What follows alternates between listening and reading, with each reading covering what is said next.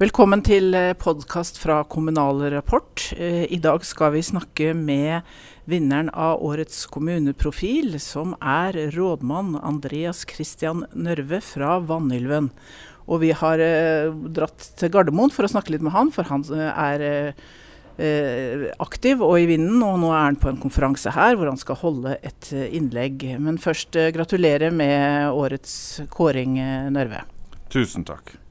Og her på Gardermoen så skal du snakke litt om uh, digitalisering, skal du ikke det? Jo, også det er knytta til styringssystem som vi bruker, da, som vi har uh, stor tro på skal forenkle både rapporteringa og, og styringa av kommunen. For digitalisering er noe du er ivrig på, uh, selv om du ser også digitaliseringas begrensninger for en liten kommune. Hva, hva er digitaliseringsprosjektene dere har gjennomført i Vanylven? Det er mange. Det begynte tilbake igjen i 2011, da vi tok datagrunnlaget for helse- og sosialsystemet og leste det inn i økonomisystemet. Fortsatte vi da med samme når det gjaldt barnehage og når det gjaldt eh, SFO. Så har vi mange små digitaliseringsprosjekt som er gjort uh, underveis. Det siste vi har, det er fullelektronisk reiseregning. Der en ansatt fyller ut reiseregninga, og det går rett til utbetaling. Uten papirutskrift eller kontroll. Så du er ikke redd for at de skal lure deg? Vi setter jo en grense på en 8000, og så har vi stikkprøvekontroll. Men man på en måte ser summene i forhold til kontrollregimet. Nettopp. Og så er det fiber. Altså, vi, først kan vi si litt om, uh, om geografien på Vanylven. Hvordan uh, bor de 3200 innbyggerne der? Det, vi er kommune på 385 kvadratkilometer på Søre Sunnmøre, på grensa til Sogn og Fjordane. Der bor jo folk i enhver en dal og hver en ende, så det er ganske stor utfordring med eh, digitalisering hvis man tenker på eh, velferdsteknologi og det grunnlaget som må være da med fiber til alle, sånn som jeg ser det.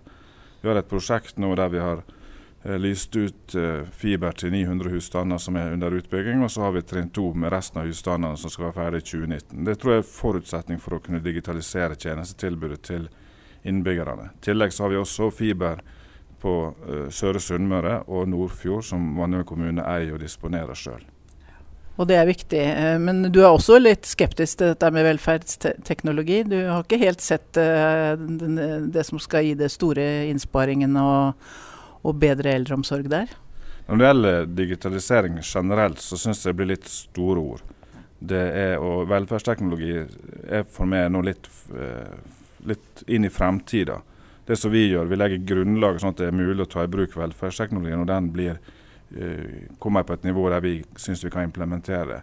Men ære være de som går i forkant og prøver ut velferdsteknologi, men vi ser ikke noe effektiviseringsgevinst med bruk av velferdsteknologi nå. Så er du jo ekte sunnmøring, så du er opptatt av at det skal spares når man gjør noe tiltak? Ja, da, jeg har lært av uh, direktøren i Lånekassa, som også eh, krever innsparing på de effektiviserings- og digitaliseringstiltakene som hun setter i verk. Og Det er forutsetning også for de tiltakene som er initierer. Det er at det skal være en effektiviseringsgevinst i bunn. Så ikke bare kvalitetsforbedring, det holder ikke? Nei, jeg går ikke inn for eh, digitalisering som bare er kvalitetsforbedring. Det, det, da må vi bruke ressursene på andre digitaliseringsprosjekt som gir innsparing. Og det har du fått med deg politikerne på? Jeg tror politikerne ser eh, nødvendigheten av å hele tida eh, effektivisere og, inn, og, spare inn. fordi vi får jo en stor utfordring når det gjelder eldrebølger om litt. Og vi må flytte ressursbruken fra eh, papirflytting til eldreomsorg, og for så vidt også skole. Så vi er hele tiden nødt til å finne måter å gjøre ting smartere på. Nettopp. Og økonomien har dere tatt grep med i Vanylven. Hva har dere gjort de siste åra? Vi var jo på Robek i 2012 og fikk gleden av å være med i et effektiviseringsnettverk gjennom KS og Fylkesmannen. Der lærte vi at vi måtte se på kvaliteten i tjenestene først. Eh, så gjorde vi det, selv om vi ikke helt forsto hvordan det skulle gi oss noe innsparingsgevinst. Men det gjorde det. Til mer vi fokuserer på tjenestene, til bedre økonomi får vi. Så nå har vi eh, en disposisjonsfond på en 10 og vi har en sunn drift og vi budsjetterer med, med, overskudd. Men det er jo klart at utfordringa ligger jo i fremtida, så vi må på en måte hele tida finne flere måter å, å, spare penger på. Det største potensialet som jeg ser som vi har gjort, og som har bidratt til en sunn økonomi, det er at vi lar enhetene beholde overskuddet fra ene året over til det andre. Og Det gjør at de får også en egeninteresse av å spare og uten å måtte bruke opp pengene på slutten av året. Så Det har medført en liksom snøballeffekt, så vi har fått ganske store fond også på enhetsnivå. Ja, apropos snøball, så f.eks. snømåking er et fond hos dere? Ja, Teknisk sektor som har ansvar for snømåking, har noen million på bok så de kan bruke den vinteren det kommer snø. Nå er det snø ute, så kan det hende at jeg må bruke noen kroner i år. Men det vil ikke påvirke kommunebudsjettet på noen måte, siden fondene da er opparbeidet. Klart det påvirker netto driftsresultat, men det er en litt sånn teknisk ting. Nettopp.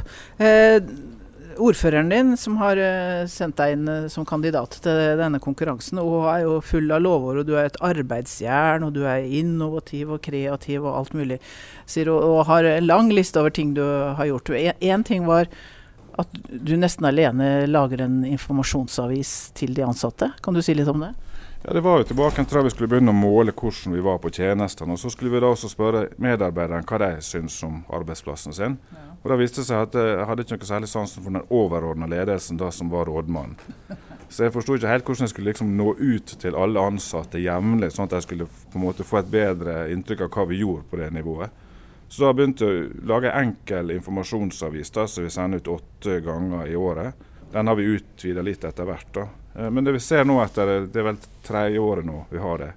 Så nå er jo på en måte overordna ledelse hos medarbeiderne gått over, land, godt over landsnittet. Eh, og vi begynner å nærme oss nærmeste leder. Men vi må gjøre et tiltak, og den informasjonsavisa var et tiltak for å, å få in mer informasjon ut til medarbeiderne. Så de visste ikke helt hva som skjedde på rådmannskontoret, og hva, hva du drev med, rett og slett? Ja, det tror jeg kan si. Og jeg lærte jo det at du kan ikke gi for mye informasjon. Det liksom, Du tror kanskje at det er selvfølgeligheter det du informerer om, men det viser seg at det er viktig informasjon alle detaljer som også skjer på det nivået som vi jobber på. Nettopp. Hva er prosjektet videre nå? Hva er det du skal gjøre det neste året som skal gjøre Vanylven bedre? Det var fokus på planarbeid. Eh, vi har begrensa ressurser, som vi har sagt, og da må vi jobbe planmessig og systematisk. Og da er det å lage temaplaner for områder som vi vil ha fokus på. Eh, vi har temaplan innenfor lokaldemokrati, som vi er vel den eneste i Norge. Vi har temaplan innenfor eldre. Si, si litt om det, hvis dere er eneste i Norge med lokaldemokratisk plan? Ja, det var jo eh, en prosess som vi da starta opp etter kommunereformen. Vi så at det arbeidet vi la i, i kommunereformen, det ga effekt med at innbyggerne ble mer engasjerte. Vi fikk en høy valgdeltakelse, vi fikk et klart resultat. Og Da begynte vi å se på om kanskje vi skulle liksom ta litt sånn generell Eh, ting knytta til dette med å skape engasjement hos innbyggerne, også mm, når det gjelder bare til vanlige kommunevalg. Så eh, Vi starta en prosess med å begynne å lete etter andre kommuner som hadde lokaldemokratisk plan, eller en plan for nærdemokrati og borgerinvolvering, som vi kaller det. Så vi måtte faktisk til Danmark, til Ballerup kommune, for å finne et, et skisse som vi kunne bruke. Vi skrev til rådmannen der, og han sa det var helt greit. Så vi brukte ramma til Ballerup kommune til å lage en lokaldemokratisk plan. Og det som vi holder på med nå, det er å lage handlingsprogram til den planen. Og Da reiser vi ut til de ulike bygdelagene, vi har vel 14 til sammen. Snakker med dem og liksom får innspill til hvordan vi skal ha, eh, hvordan de skal kunne påvirke eh, demokratiet mellom valgene. Nettopp. Og det Altså Valgdeltakelse ved kommunereformen. Eh, dere hadde folkeavstemning, og hvor høy var valgdeltakelsen? Den var 61% og vi hadde sju alternativer de kunne stemme over. Og ett av de sju alternativ fikk vel 53 eh, av stemmene. Så det var et vanskelig utgangspunkt å skulle få flertall for en, ett av sju, sju, stemme, sju stemmesedler, men vi fikk jeg nå det. Det tror jeg bygger på det arbeidet som er gjort. Vi har gjort veldig mye arbeid knytta til å involvere innbyggerne i kommunereformer, både med folkemøte, eh, tre innbyggerundersøkelser, eh, Open Space-møte. Så vi har gjort veldig mye. da, Det inspirerte på en måte til å begynne med en, rett på, på lokaldemokratiet generelt. Men uh, det ble ja i Vanylven til sammenslåing, men naboene var ikke like begeistra. Så det ble ikke noe sammenslåing i deres område. Men nå skal dere i gang med et omfattende samarbeid. Kan du si litt om det? Ja, Etter kommunereformen, vi sa jo ja. Etter kommunereformen så, så var både vi og fylkesmannen enige at vi var sårbare når det gjaldt kompetansekrevende arbeidsplasser. Ikke det at vi har jo Sunnmøres beste økonomikontor, Søre Sunnmøre kanskje. Og eh, vi har et barnevern som ligger langt oppe på eh, tabellen når du ser på kommunebarometeret. Men eh, det er personavhengig, og vi er nødt til å sikre at det, dette her også kan virke selv om personer slutter og nye kommer inn. Så da søkte vi, laga et eh, generelt vedtak om å søke samarbeid med nabokommunene på de ulike kompetansekrevende områdene. Det er stort sett de tingene du finner på et rådhus. Rådhusfunksjoner. Uh, og så tok da Herøy kommune kontakt og var interessert i samarbeid på noen få områder. Og så har det utvida seg. I løpet av sju måneder så har vi vel felles politisk vedtak på å samarbeide på alle rådhusfunksjonene, med unntak av to stillinger knytta til landbruk og skatteoppkrever. Eh, og da har jeg et politisk utvalg som sitter på en måte over, eh, og, og, så vi kan informere og orientere. Så et stort tjenestesamarbeid som vi hadde samling på nå 6. og 7. desember ute i Herre med alle 50 ansatte som var involvert, pluss eh, assisterende fylkesmann Rigmor Brøste, Geir Vinsand fra Nivi Analyse og eh, Nav-fylkesdirektøren Svein Vetland. Så det, det, var en stor samling, og vi tror at dette er nødvendig for å kunne Eh, være motvekt til disse store kommunene som kommer, da i Ålesund-regionen spesielt. Da. Men det skal ha egne rådmenn? Ja, ja, det er som et alternativ til kommunereform. Så det blir på en måte en sånn kommuneblokk. da. Og Vi har jo trodd at dette skulle gi da bedre kvalitet, mindre sårbarhet, en effektiviseringsgevinst. Men vi ser også, tror også på nå at vi kan bake kaka litt større, som Geir Vinsand sier. Ved å få tilført oppgaver fra fylkesnivået, f.eks. fra fylkeskommunen og få tilbudt både oppgaver og ressurser, sånn at vi kan få flere stillinger også i regionen. Det høres jo bra ut. Men dere har ett stort problem, og det er jo befolkningsnedgang. Du, ser du noe håp der? Kan dere få flere til å flytte til Vanylven? Jeg tror ikke jeg skal regne så mye på det. Jeg En, en rådmann i Ørsta som en gang sa at skulle han få vekst i kommuner, så måtte enten forlenge levealderen til de som bodde der, eller så måtte han få utenlandsk innvandring. Og, og, vi har jo hatt eh, innvandring eh, og bosatt flyktninger i, i den nasjonale dugnaden. Nå ble Vanylven eh, vurdert til å være for liten til å ta imot flere flyktninger, noe vi selvfølgelig ikke er enig i. Vi syns at integreringa er bra i små kommuner. Men uh, uten innvandring så, så um, vil vi uh, få en reduksjon i folketallet fremover også. Ja, det er utfordringer, og du har prosjekter og mye å gjøre fremover. Men gratulerer nok en gang, og så skal vi høre på hva du har å si her i dag. Takk skal du ha.